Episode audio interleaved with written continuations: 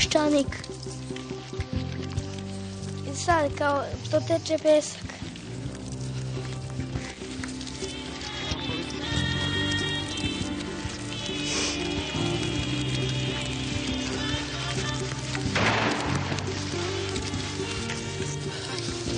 On je čovjek dosadan. On je čovjek dosadan čovjek. On je uvijek bio dosadan.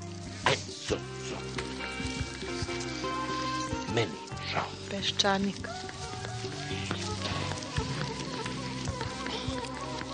Opšta histerija.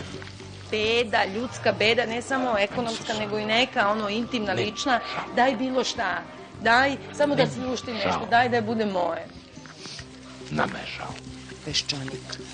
Nije bilo dovoljno snage da kaže I'm so sorry. Meni je žao. Redka je generacija koja je dobila takvu šansu kao ova. To je tragična politička generacija. Ni štetu nisu napravili veliku.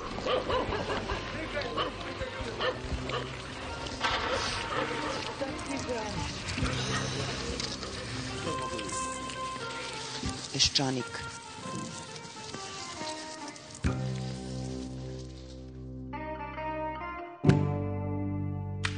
Dobar dan, poštovani slušalci.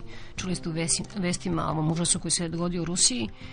Rusi su na sebi svojstven način rešili krizu talaca. Nešto iz američkih filmova znamo o američkim specijalcima, onim deltama, ali o ruskim alfama ništa. Međutim, zloslutno su mi delovali oni specijalci koji su prvi stigli ispred pozorišta u kome su držani taoci. Specijalci su izašli iz autobusa sa zavesicama na prozorima. Autobus je sličan onome iz Kota tamo peva. A vodili su na povodniku i antiterorističkog psa Rottweilera koji je ćopao na zadnju nogu. To nije slutilo na dobro ni za koga. A da se vratimo mi našem blatu. A, ne želim i ne, ne, ne bi volala da saznam kako bi akciju oslobađanja talaca vodio naš šef policije Duško Mihajlović, a do duše on je bio veoma efikasan kada je trebalo osloboditi kidnapovanog vlasnika, de, vlasnika Delta Holdinga Miškovića. Njegovo preduzeće, znači Delta Holding, ove godine prema procenama magazin Ekonomist imalo je ukupan prihod od 175 miliona evra. Srpski Delta svoj pošteno zarađeni novac ponosno reklamira na najvećem panou koji je postoji valjda u Beogradu, ne znam da li ste ga videli, pokrio je praktično ceo hotel Slavio. Sađete se da je ministar Mihajlović pretio svima nama da će podneti neopozivu ostavku ako ne izbavi Miškovića, onomad od kidnapera, izbavio ga je, a onaj Mišković koji e, ni men, i to izbavio je ovaj ministar policije koji ni mene ne bi uhvatio ni da kradem celu zgradu supa, a ne bi me uhvatio ni da njemu lično čupam brkove. On bi samo ponavljalo njegovo znamenito imam operativna saznanja, ali nemam dokaza, a kod nas je kriminal u padu. To je valjda čuo od svog premijera koji je prekjuče rešio još jedan problem a, tako što ga je ukinuo. Kaže Đinđić, u vlasti nema korupcije. A ono što je najužasnije, Koštunica počinje da a, primenjuje Đinđiv stil. Kaže, ma šta dižete frku oko tog jugo importa, to nije problem, samo smo malo remontovali stare avione MiG-21. Vrhovni komandant Vojislav je dao svoje državničko i ekspertsko mišljenje o Migu i mirno legao da spava kao i obično. Svi spavaju, samo Karić i Jok. Oni su se razleteli po Srbiji sa parama i pomažu, i pomažu. Čak su otišli do Novog pazara i tamo su dali milion dinara Sanđačkom mufti, rektoru Bošnjačkog univerziteta u Novom pazaru. I tako dok se Janić i Karić, koga je porodica poslala u Ameriku i školu ga za budućeg predsjednika Amerike, ne vrati u otržbinu i oproba se sa koštunicom za srpski presto, Sreteni Bogoljub prave žurke po Beogradu. Videli ste da je pre nekoliko dana da su oni kao stari rokeri proslavili 40 godina Beatlesa, Sreten je lupao bubnjeve kao Ringo Starr, a Bogoljub je plesao sa našom gradonačelnicom Radminom Hrostanović. Gosti su bili i ministri Aleksandar Vlahović i Goran Pitić. Gospođa Vesna Rakić-Vodinilić je direktorka Instituta za uporedno pravo, koja inače ne voli da se oglašava u javnosti često, pogotovo kada to nema direktne veze sa njenom strukom. Objavila je pre neki dan tekst u Danasu i kritikovala naše ministre što tako velikodušno pomažu braći da se vrate u političku elitu. Imper je naravno juče uzvratila udarac. Ali posle ćemo o braći Karić. Sada jedna važnija stvar, razgovarali smo sa gospođom Vesnom Rakić Vodinilić o ovom sporu oko poslaničkih mandata i ulozi koju ima Ustavni sud Srbije, odnosno Ustavni sud Jugoslavije. Govori gospođa Vesna Rakić Vodinilić pred Saveznim ustavnim sudom vodi se postupak povodom takozvanih ustavnih žalbi za zaštitu ljudskih prava. Te ustavne žalbe su podneli nekadašnji poslanici u Skupštini Republike Srbije, a članovi Demokratske stranke Srbije. Ja moram da vam kažem i neke podatke, prosto da biste vi sami, a i vaši slušalci mogli da ocene koliko se politika umešava u pravo ili koliko nije. Naime, ta ustavna žalba postoji u našem pravnom poredku od 1992. godine. Do prošle godine nijedna ustavna žalba u e, celokupnoj istoriji Saveznog ustavnog suda ove najnovije države nije bila usvojena. Kada su neke nove sudije došle u Savezni ustavni sud, naša pravnička javnost je očekivala da među ostalim promene i svoje držanje prema ustavnoj žalbi.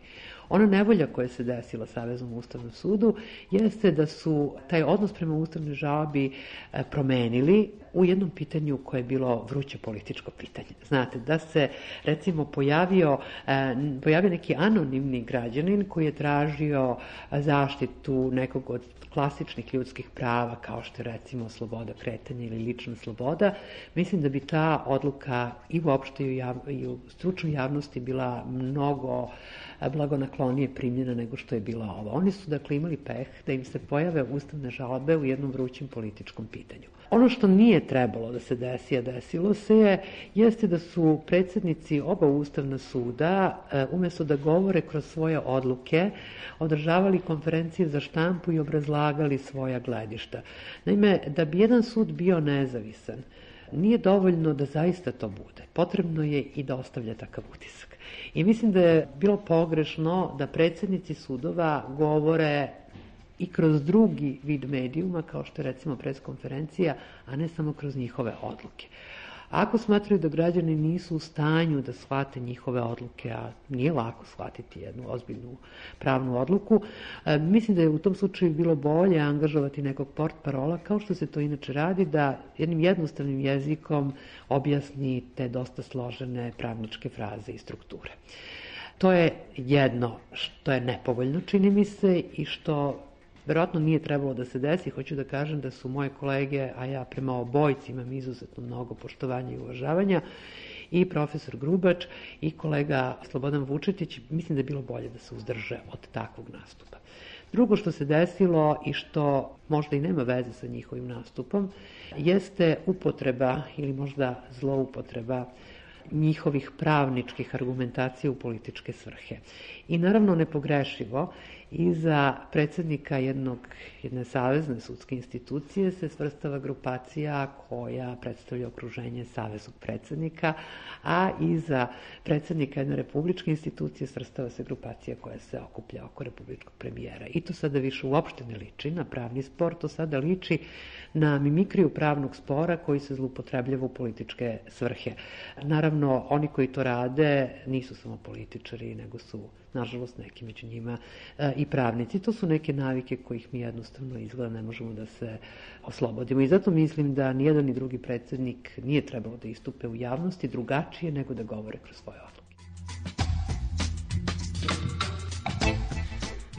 Pre nekoliko dana u našoj zemlji borili su eksperti iz Saveta Evrope koji su saopštili da to što su naši zakonodavci odlučili da tako izgleda Visoki sudski savet, jedna izuzetno važna institucija o pravosuđu bez koje nema ništa od nezavisnog sudstva.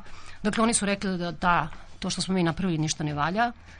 A, da vas pod, samo podsjetim da je taj zakon predložio DSS, Međutim, naša sagovornica Vesna Rakić-Vodinilić je, e, još dok je taj zakon e, donošen, rekla da bi bilo lepo da pogledaju malo preporuke Saveta Evrope o pravosudnom savetu i da on nije u skladu sa preporukama Saveta Evrope.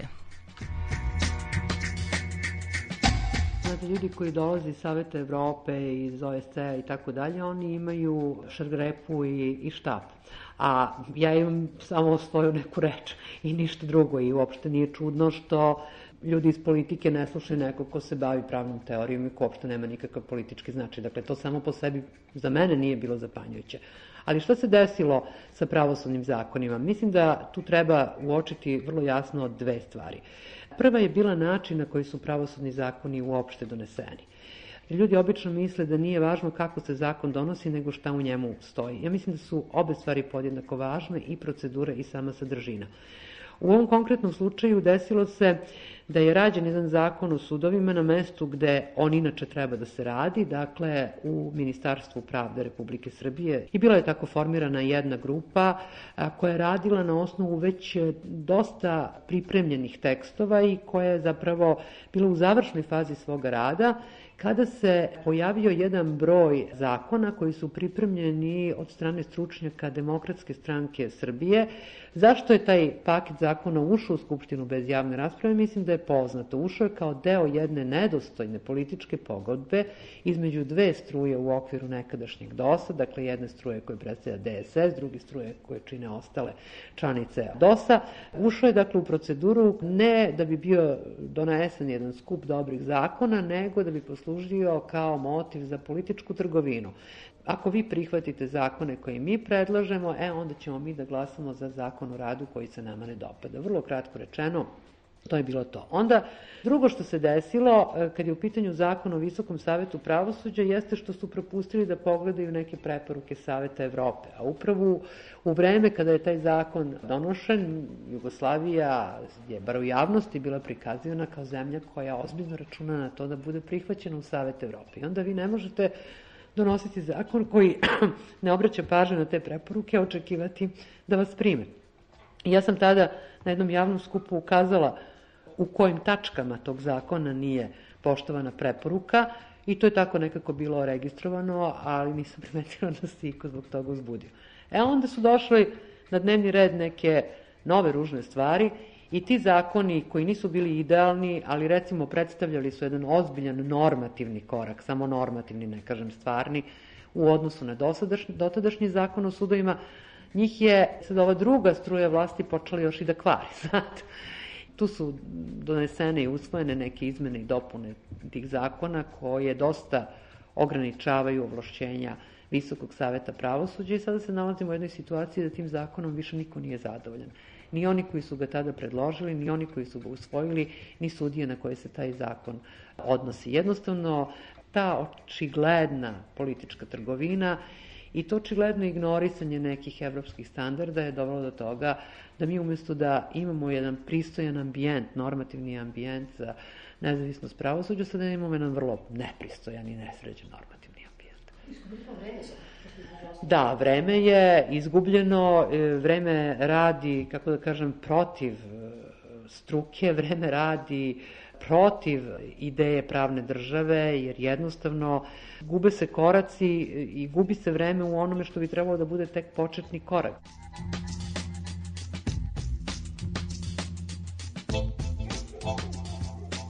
Što se tiče primanja braće Karić, tako da kažem, već sad zvanično primanja braće Karić u novu političku elitu, to je samo jedan od pojavnih oblika i po mom sudu to nije najvažniji pojavni oblik. Ja sam reagovala zato što e, mislim da se na takve stvari ipak mora reagovati.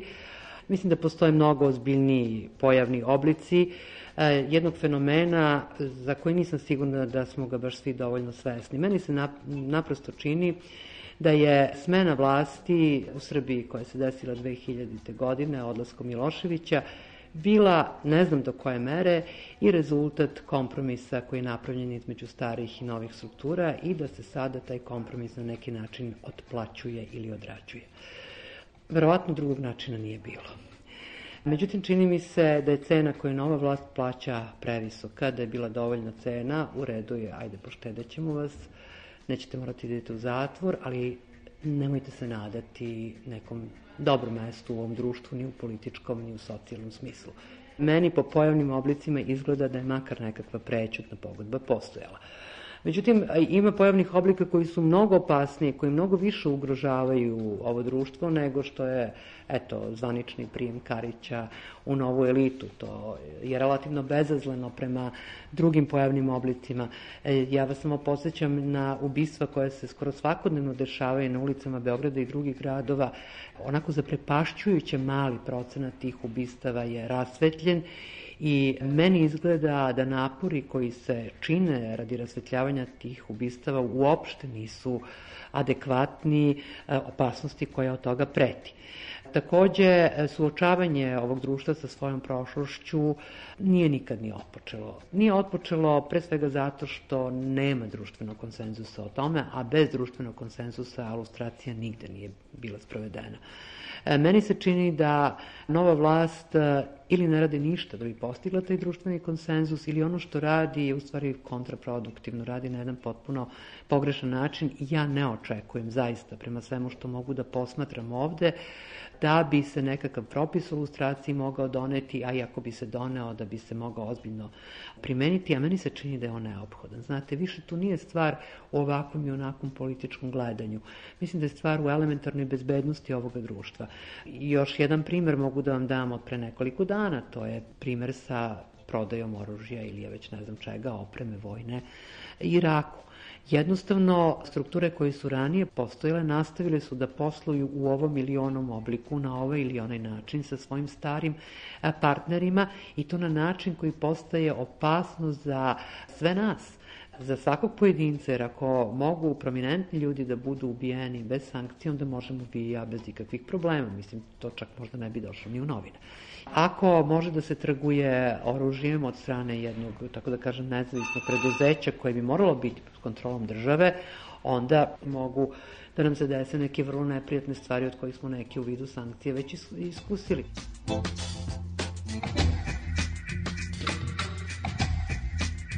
Mene najviše plaši zapravo e, jedan nedostatak svakodnevne sigurnosti. Počev od javnog prevoza do nekakvog nasilja na ulicama kojim svakodnevno prisustujemo i preko nekakvog, e, tako da kažem, osjećanja nemoći da deci, ljudima iz mlađe generacije zapravo prenesemo neke čvrste principe ponašanja za budućnost.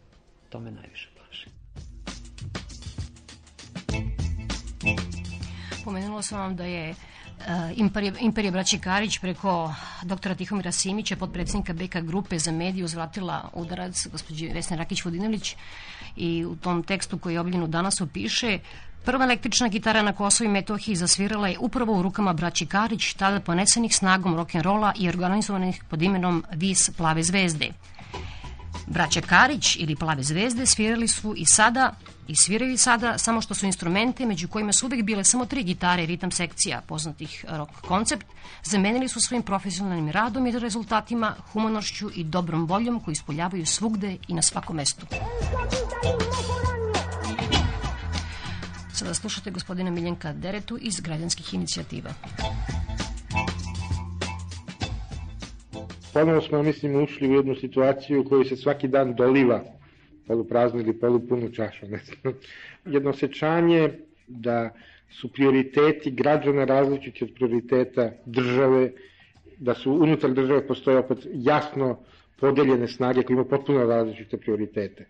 I kad to ponovo vidim, da se politizuju ustavni sudovi ovi ili oni, mene to kao građanina brine. Ono što me takođe brine jeste jedan metod napada na ljude.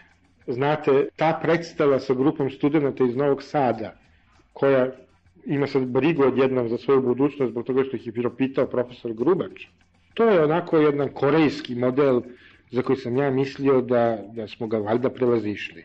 To su, kažem, ali to su sve sitnice, da bih mogao da kažem da je jedna stvar nešto što me ovako, osim ako se sad ne okrenu ovo se dogodilo noća sa hiljadu talaca u Moskvi, mislim da je to jedan zastrašujući događaj koji će imati još teže posljedice, ja mislim, nego što ima 11. septembar. Vi vidite da recimo predsjednik Bush ima mnogo problema da progura svoju želju da ratuje sa Irakom, zato što postoji neki mehanizmi koji to sprečavaju.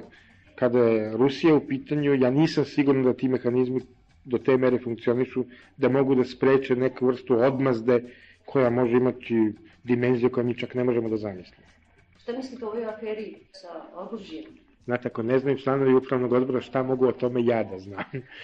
I mislim da je jako dobro da je prvi put vojska preuzela deo odgovornosti za to, jer je smenjen neko koji je u, u za nešto zadužen. I ako je to tako, i ako je on zaista odgovoran za to, onda je to dobar znak. Možda se to jednog dana reflektuje na Šljivančanina. Možda oni ipak kažu, eto, pa i Šljivančanin je u Vukovaru pogrešio i zbog toga treba da snosi određene konsekvence. Sve zajedno, kako bih rekao, to je u nastavak našeg dugogodišnjeg prijateljstva sa Irakom, jedne politike čiji kontinuitet eto nastavljamo, to je jedan od kontinuiteta naše politike i naše države i državnosti, prema tome to me nije iznenadilo, iznenadilo me da je to izašlo u javnosti i da se tako brzo reagovalo, što znači da je pritisak bio ogroman. I što takođe znači, što je takođe ohrabrujuće, da se uzima u obzir taj pritisak kao vrlo ozbiljan i da se o njemu vodi računa. Jer mi smo imali običaj da kao, ah, nek pričaju sa one druge strane okeana šta hoće, mi znamo šta su naši interesi. Boga mi, shvatilo se da to eto, može imati posledice koje su vrlo, vrlo ozbiljne po cijelu zemlju.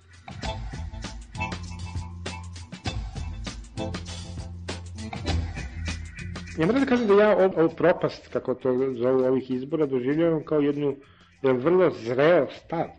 Znate, 54% do sad ne, ne, ljudi je reklo ni jedan od kandidata ne zadovoljava moje potrebe. Takođe ja to čitam i kao jedno apsolutno nezadovoljstvo sukobom između te dve strane. To je vaša porodična svađa, pa kad to rešite mi ćemo glasati. Mi nemamo Havela, mi nemamo osobu oko koga se može postići konsenzus, koji ima obstavan poštovanje svih tih građana. Ja ne znam takvu osobu. Ja mislim da bi neki predstavnik civilnog društva mogao biti dobar predsednik države, znači predstavnik nacije. Ja ne mislim da to Dobrica Ćosić, odmah da se razumijem ni Matija Bečka. Odmah da kažem, pošto ni Nikola Miloš. I ove, ja ove izbore doživljam kao neku vrstu pauze. Znate, ono, imali smo jednu predstavu, pa sad imamo pauzu, pa sad počinje drugi čin te predstave, u kome će se desiti sva ubistva koja treba da se dese, kao što je to drama na svim, ili na kraju ćemo imati jednu katarzu kroz neke izbore koji će biti, ja se nadam, manje opterećeni tom agresivnošću i isključivošću, a više opterećeni zaista nekim konstruktivnim predlozima koji se daju građanima. Za mene nije gotovo dok Šešelj ne ode u Hag, a ne da on mene prebije, ne, ne vidim uopšte kraj u tome da on mene prebije.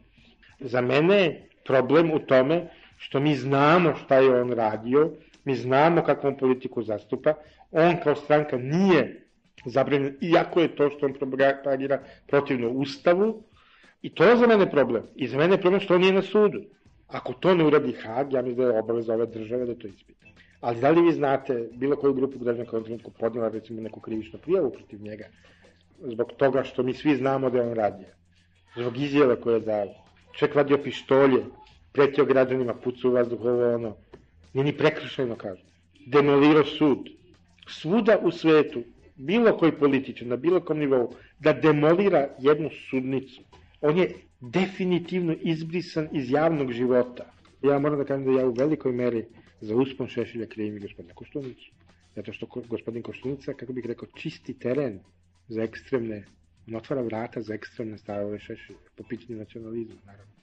Svojim relativiziranjem i svojim dvosmislicama i umetnutim rečenicama u kojima se uvek na neki način pitanje nacionalnog srpskog interesa kao etničkog interesa provlači, otvara naravno i legitimizuje Šešeljev ekstremizam. I tu ja vidim opasnost od gospodina Koštunice kao predsjednika Republike. Jer on sa svojim stavovima će negde, bez obzira što želi da bude predsjednik svih građana, biti predsjednik Srba, a svi drugi će ga doživljavati kao nekog koji im je nametnut od većinskog naroda. Pokušajte da zamislite da recimo Tibor Varadi bude predsjednik Srbije. Vrsni pravnik, koliko ja znam nekompromitovana ličnost. Ništa sve ono što je gospodin Koštunica samo se zove Tibor Varadi. Da li možete zamisliti da Srbija izađe glasa za Tibora Varadi? Ne može.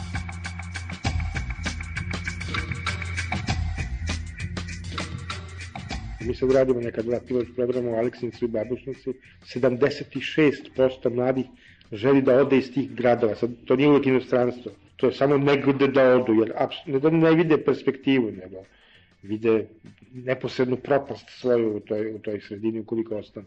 Niko se ne bavi problemima mladih na pravi način. Vi kad kažete pro, stambeni problem mladih, svi vas gledaju kao da govorite na nekom čudnom jeziku o nekom nepostojećem problemu. Ko je mlad kod nas? Hajde da prvo to definišemo. Kod nas je svako mlad, dok odjednom nije star. Kod nas je mlad tu 35, baš je mlad. Evo, sad se zaposli, da se oženi, uda i da čeka da roditelji umru pa da preuzme stan. To je naš život.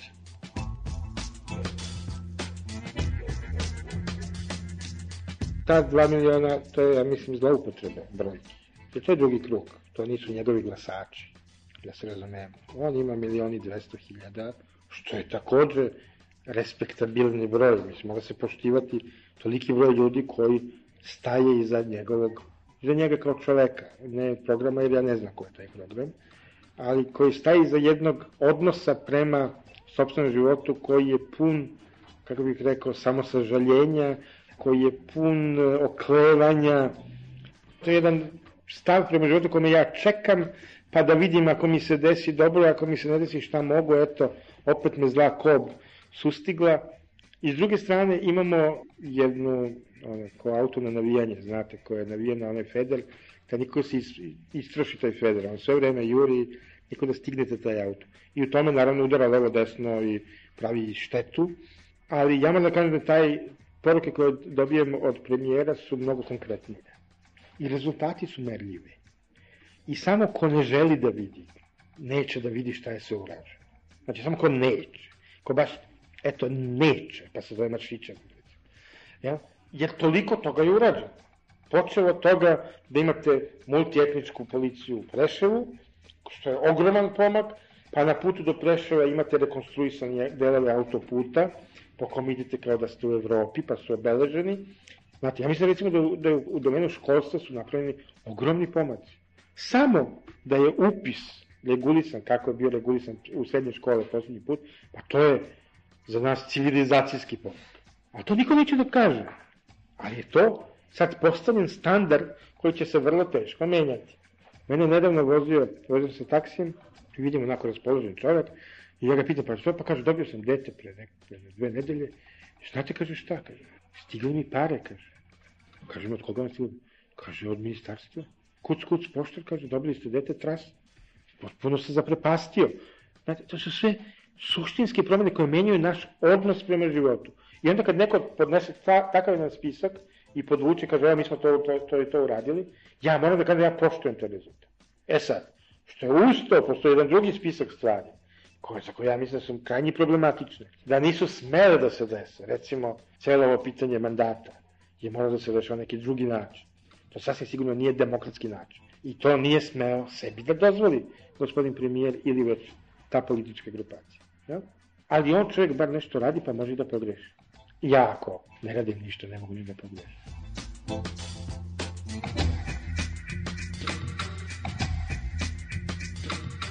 ja moram da kažem da u poslednje vreme sve ono što govori gospodin Đinđić doživljam kao prvo jedan, jednu prvo promenu pristupa, gde on vrlo otvoreno govori i o problemima i onome što je postignuto i kao jedan pravi način komunikacije. Ono što je problem jeste što je to personifikovano u njemu, što to nije jedan širi krug ljudi koji na taj način promoviše ono što je urađeno. Doduše i naš narod neće da sluša tamo bilo koga, on će da komunicira samo sa vrhom vrhova. Za mene, recimo, kao najpozitivniji efekt cele ove kampanje bilo bio javni nastup zamenika guvernera banke Jelašića. On se pojavio u jednom dijalogu na, na jednoj televiziji i apsolutno me fascinirao stručnošću, dugoročnim planiranjem, uvidom u situaciju, kulturom dijaloga. I kad sam pomislio da taj čovjek eto radi jedan odgovoran posao meni bilo nekako milo. Bio sam miran zbog toga jer vidim da je to čovjek koji zna svoj posao. To mi je jedan onako, kako bih rekao, bio prilično jedna inekcija koja mi je onako dala dodatnu energiju. E, ja mislim da takvih ima još potencijala nekih. Neki imaju duple pasoše. Znate, to je nedopustiva izjava za bilo kog kandidata za predsjednika. Znači, ta vrsta segregacije, ta vrsta podele stanovnika I ovog puta po pitanju pasoša. Drugi put može biti po nekom drugom kriterijuma koji se gospodinu ne dopada. Znate, ne dolivaju mu poverenje, nije sigurno njihovu motivaciju, pazi sad. Pa nemojmo se igrati s takvim stvarima. I to jeste ono opasno. To je kad progovori Voja Koštunica, onda čujete takve izjave. Kad govori pravnik, onda čujete ne znam ja ovo, a kad govori Voja Koštunica, onda čujete to. I to je ono što me, kod mene ne uliva poverenje u to da on može obavljati funkciju dobro i interesu svih građana za koju se kandiduje. I zato ja nikada neću glasati za njega. Ali naravno to je moj, moj problem. I moj problem je da pokušam da nagovorim što veći broj ljudi samo na osnovu tog kriterijuma da ne glasa za njega. I on sasvim sigurno ne može računati na glasove manjina. Ja bih se da sam kandidat za tako nešto ozbiljno zamislio. Znate, on sebe predstavlja kao vrhunskog pravnika. Kako može neko kao vrhunski pravnik podržati, čak i da je to inicijativa iz njegove stranke, da se priznaju ovi izbori, to on kao neko ko je, ko je vrhunski pravnik treba da kaže svojima aman, smirite se, čuti i čekaj sledeću priliku. Ali ne, on je, voleo bi da je pobedio. Znate, voleo, evo sad, pa šta sa tih 5% to gore, da, pa nije to baš tako, vidite, oni su možda to loše izabrali. To neko ko se zalaže za pravnu državu. I onda dođete u tu strašnu situaciju, da morate da se slažete sa Šešeljem. Ko njemu drži lekciju iz prava. Ja kad sam pročitao Šešeljevu izjavu, meni je bilo zlo. Rekao sam, ko, s kim ja sad moram da se složim? To smo imali svoje vremena na neki način sa Biljanom Plavšić, znate. Isto to. Žena koja, za koju znamo, koja je stavila zastupala, koja se preobratila u garanta mira, tako dalje, tako dalje, ali kod, vidite, kod nje ta progresija otišla dalje.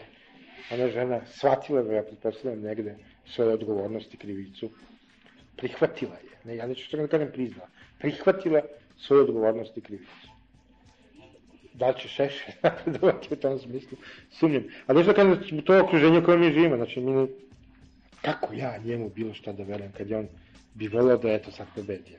I volao bi da narod izašao da ga brani onoliko.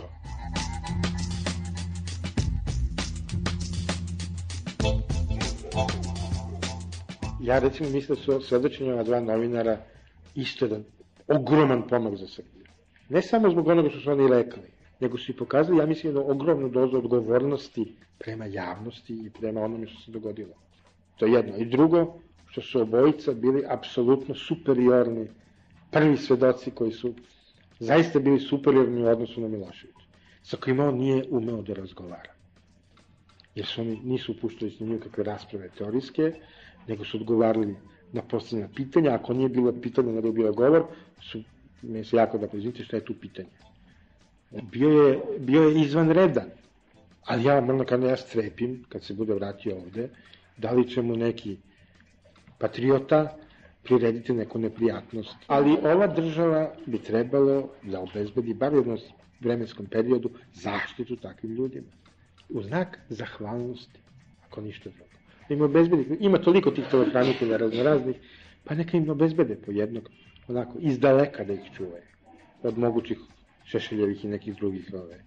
Da bar komisija za ispitivanje istine i odgovornosti, već pomirenje, kako se zove, se oglasila tim povodom i pozvala druge e, ljude koji imaju informacije o određenim događajima kojima postoje, ajde da stavimo pod navodnike, kontroverze i neslaganja, pa da daju te dokaze, da bi se utvrdila istina. Mislim, Foča je jedan događaj i daj da vidimo šta se tamo dogodilo. Srebrenica je takođe, i možete vrlo lako doći do podataka šta se tamo dogodilo. Meni je onaj taksista kome sam govorio, rekao da su to sve pobili Francuzi, jer je povezao tri informacije koje čuo na tri razne strane i sklopio ih u takozvanu srpsku istinu, da je uvek neko drugi kriv, a mi smo eto nevini, a oni su samo išli tamo i Francuzi su samo njima poznatih razloga pobili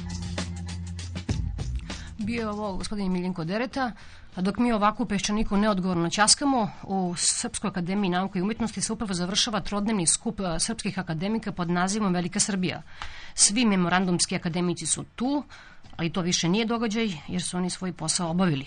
Ono što jeste događaj u srpskoj historiografiji jeste promocija knjige Olivera Milosavljević o stereotipima srpskih intelektualaca 20. veka. Mi smo ukrstili snimke sa ova dva nespojiva događaja, tako da ćete čuti uz Oliveru Milosavljević, koja neće skoro ući u ovu akademiju, i akademika Mihajla Markovića, Dobricu Ćosića, Milorda Ekmečića i dečka na koga posebno treba obratiti pažnju Srđu Trivkovića. Radnja se odvija u kupeu prvog razreda Orient Ekspresa na putu od Sofije za Beč, a junaci su grof Benjamin Kalaj, Ante Starčević, Josip Broz i Madeleine Albright. Razgovor se naravno vodi na nemačkom. U sveopštom žamoru samo se čuje više puta ponovljeno po neko ime ili pojam. Kosovski mit, genocidni njegoš, svetosavlje kao ekstremni neovizantijski cezaropapizam, Serbijan, Šterbijan, Crvena Hrvatska, Crna ruka, Bela ruka, teroristi, ruski agenti, Evropa samo do Drine, remetioci, epicentar nestabilnosti na jugoistoku, Garašani, Grko-istočnjaci, Versaj, sve jasno iznačerpanija kraljubica, Albanci su Iliri, Pobdukljanin, Vlaška plemena, Svinjarski trgovci, Vidodansko ludilo, Velika Srbija, Veliko Srpstvo, Veliko Srpstvo. Ilarion Ruvarac, arhimandrit i akademik, akademiku Panteliji Srećkoviću 1885. godine.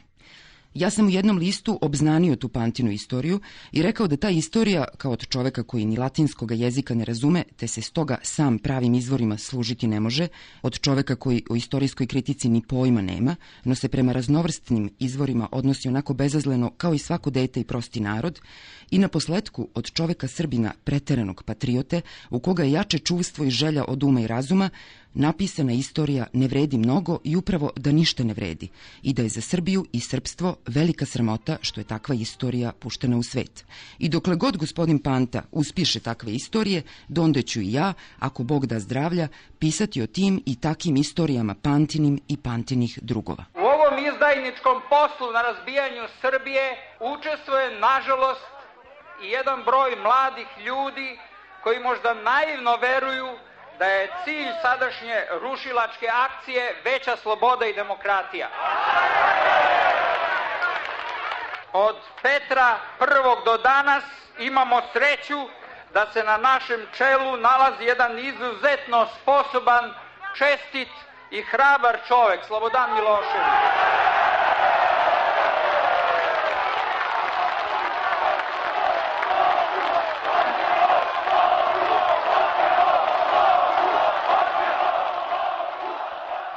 što se tiče srpske javnosti, nije bilo nikakve tajne o tome kakav se rat sprema i kakav se rat vodi, koji su njegovi ciljevi i zadaci. Evo nekih citata da vas podsjetim na to vreme. 1992. u zimu Milorad Ekmečić pisao je, citat, o neophodnosti da se ovakve stvari rešavaju silom, Dobrica Ćosić je iste zime 92. konstatovao da se rešenje jugoslovenske krize, citat, mora da bi se konačno rešilo pretvoriti u ratno rešenje, u krvavo rasturanje jednog političkog monstruma, završen citat. Da bi Amfilohije Radović iste godine u tom vremenu video, citat, realnost rata kao nečeg što je nemoguće izbeći.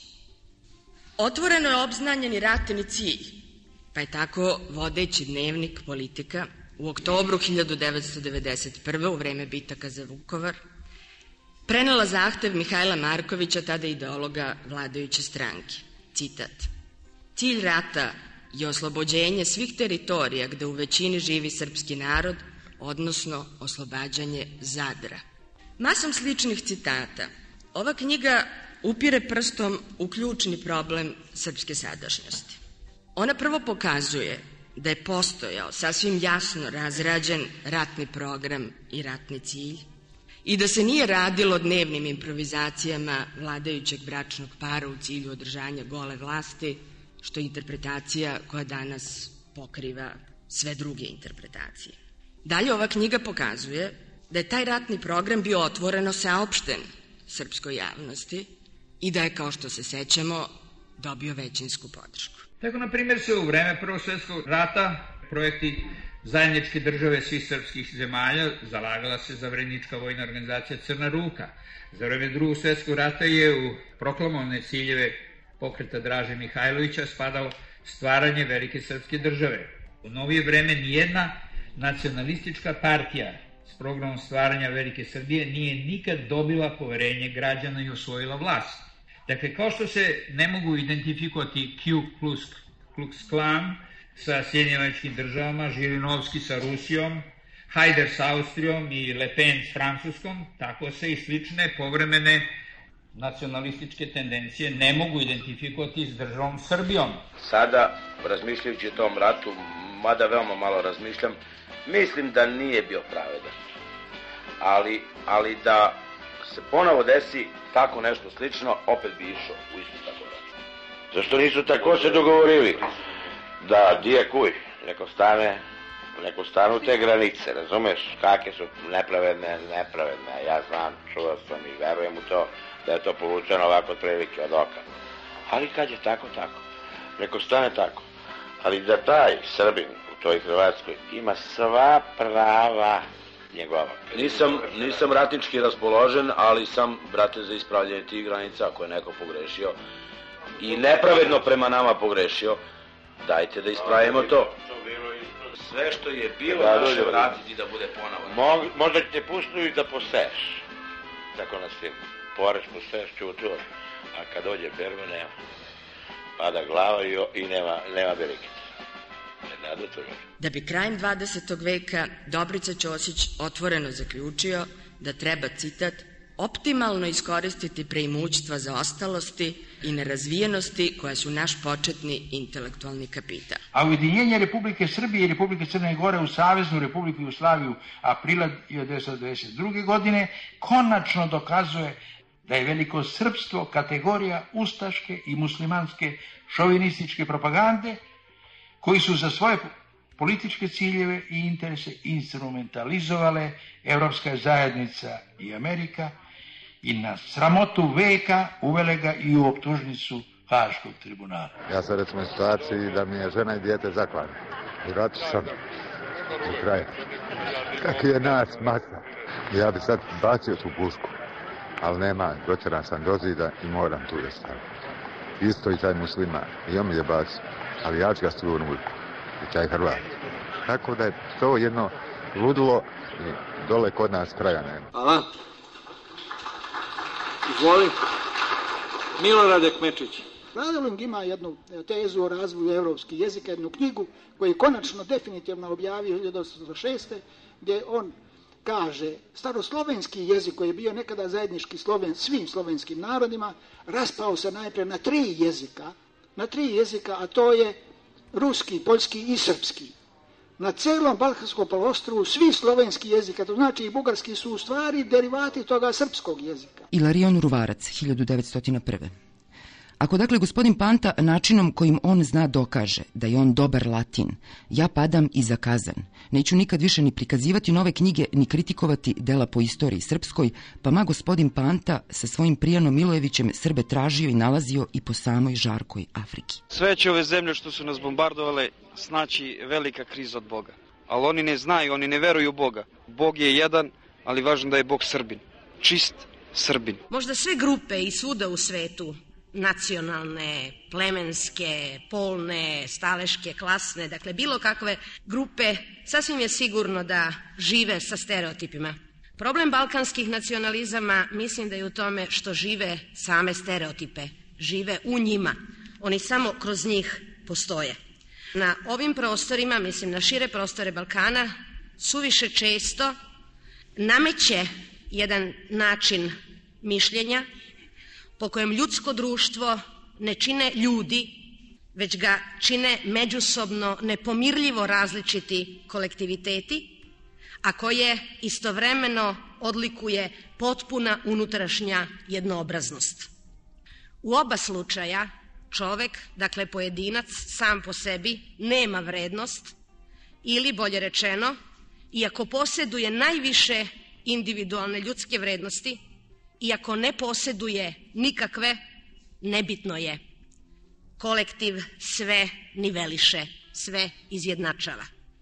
A to je smisao i cilj svakog nacionalizma i zato je on opasan i zato ne postoji bolji i lošiji nacionalizam, ne postoji umereniji i agresivniji, ne postoji demokratski i nedemokratski. Nacionalizam je uvek negacija i vrednosti i bezvrednosti pojedinaca. A stereotipi su samo najočigledniji pojavni oblik svakog nacionalizma. Ja ću zaključiti ovo onim što malo bi trebalo da razgali, a to su naravno stereotipi. Naime, svako dete u Srbiji zna da je, citiram, sudbina odgovorna što su Srbi bačeni na glavno poprište istoka i zapada u vrtlog večitog nemira, ljute borbe i svakojakih nevolja. Završen citat. Kao što i svako dete u Hrvatskoj zna da, citat, kroz duga i teška stoljeća povijesti Hrvati bijahu nesalomljivi međaš civilizacije i da se preko njih lomi, lome sve nesreće i grijesi svijeta. U jednom bosanskom časopisu pre par meseci objavljena je ova crtica. Citiram, meni jedan Hrvat pričao priču o Srbima. Kaže, dovedi dvojicu Srba u kuću, pa jednog posadi za punu trpezu, a drugog pod sto i veži ga.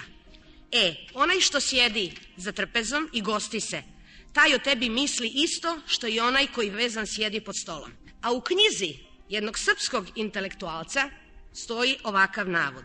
U srpskim krajevima pod Austro-Ugarskom od davnina je ostala priča o hrvatskom karakteru. Primi dva Hrvata u svoj dom, pa jednog postavi za trpezu i hrani, a drugoga obori i stoji za to vreme na njemu. Budi siguran da o tebi jednako misle obojice. Kad sam pre deseta godina sedao u Rovinju sa nekim mojim prijateljima, ja još, još uvek smatram prijateljima da oni kad me negde sretnu u svetu, oni sad okreću glavu. Znaš kako, kafana, pa fjaka neka, vrućina, ne ide nam se ni na plažu, ne ide nam se ni kući. I tako reč po reč, ja u jednom trenutku s punim ubeđenjem počnem da govorim protiv Srba.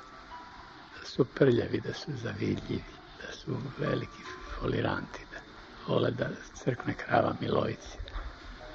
Moji hrvatski prijatelji za tim istim stolom bili su jednostavno oduševljeni. Bravo, Mića, pa to je tak, je to krasno, je, bravo, to je. A Mihi, znate ko je Mihi? Miki sedi pa trepće, ne može sebi da dođe šta mi jesam li ja poluda. I u jednom trenutku nešto vrlo malo kritički kažemo Hrvatima. A ne, nemoj, ne, to pak ne, ne.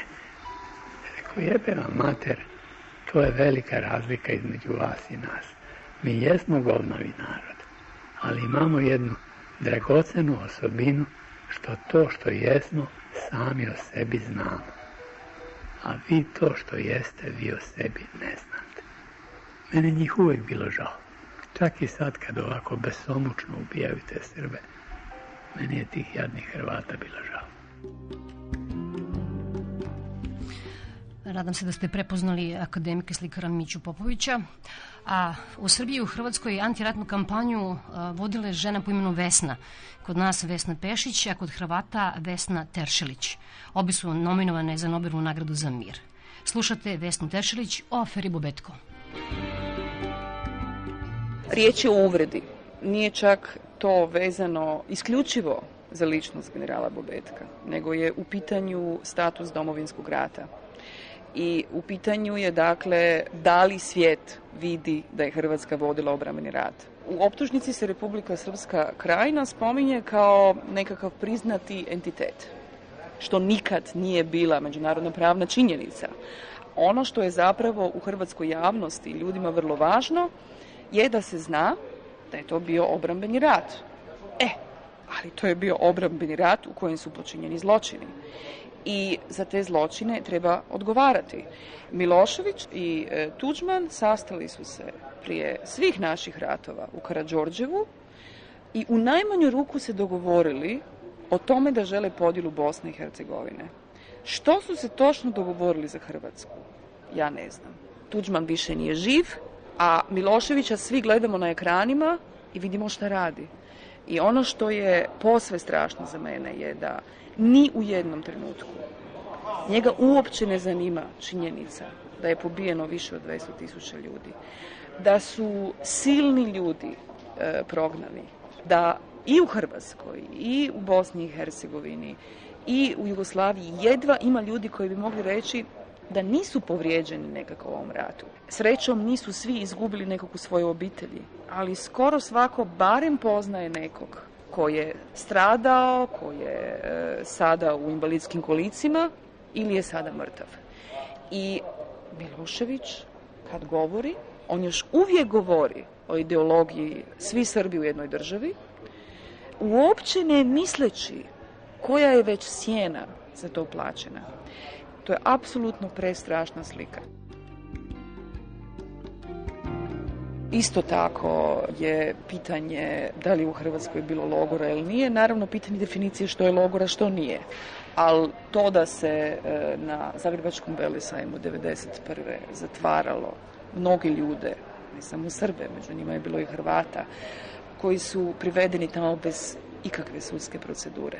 Da su mnogi među njima smaknuti, o čemu je sad snimljeni film, koji se treba prikazati prije dva tjedna u Latinici, kako bi ga vidjela cijela hrvatska javnost, ali nažalost nije prikazan jer je krenula cijela priča s Bobetkom, što znači da ćemo ga gledati nešto kasnije, ali ćemo ga gledati.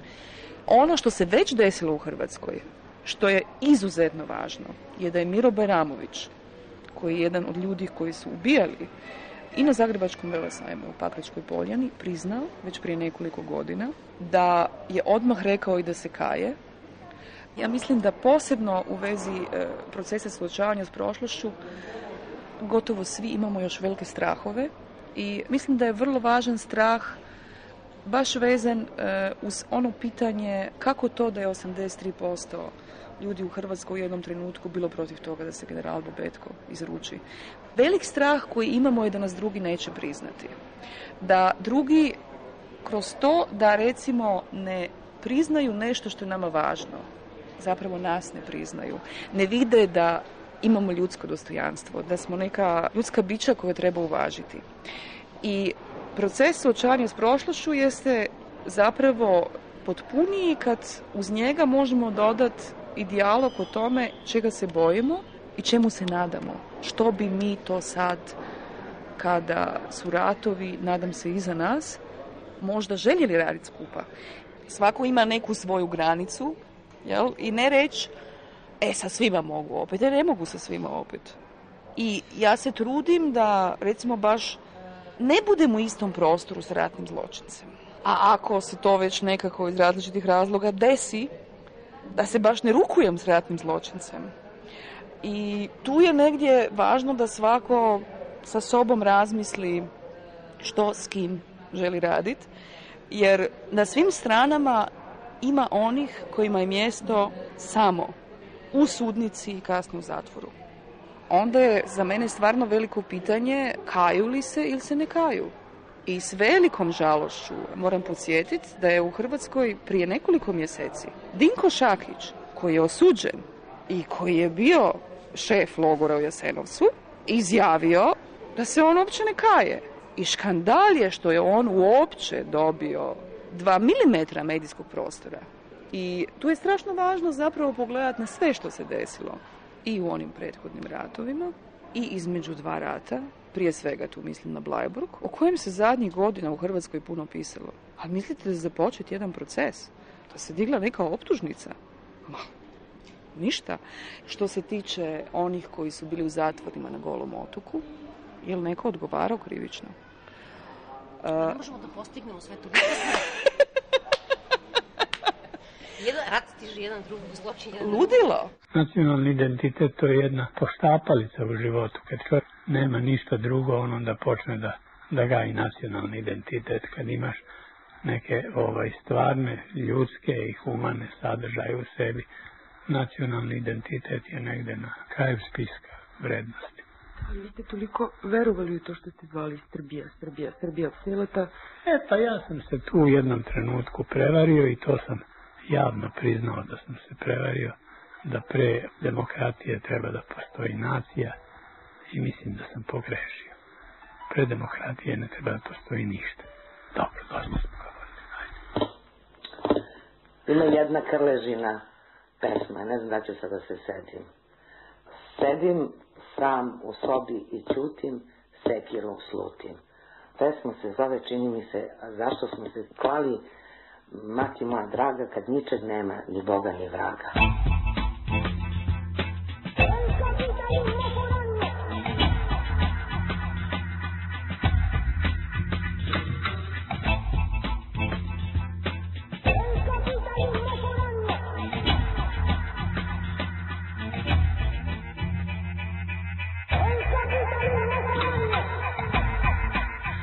Bio peščanik.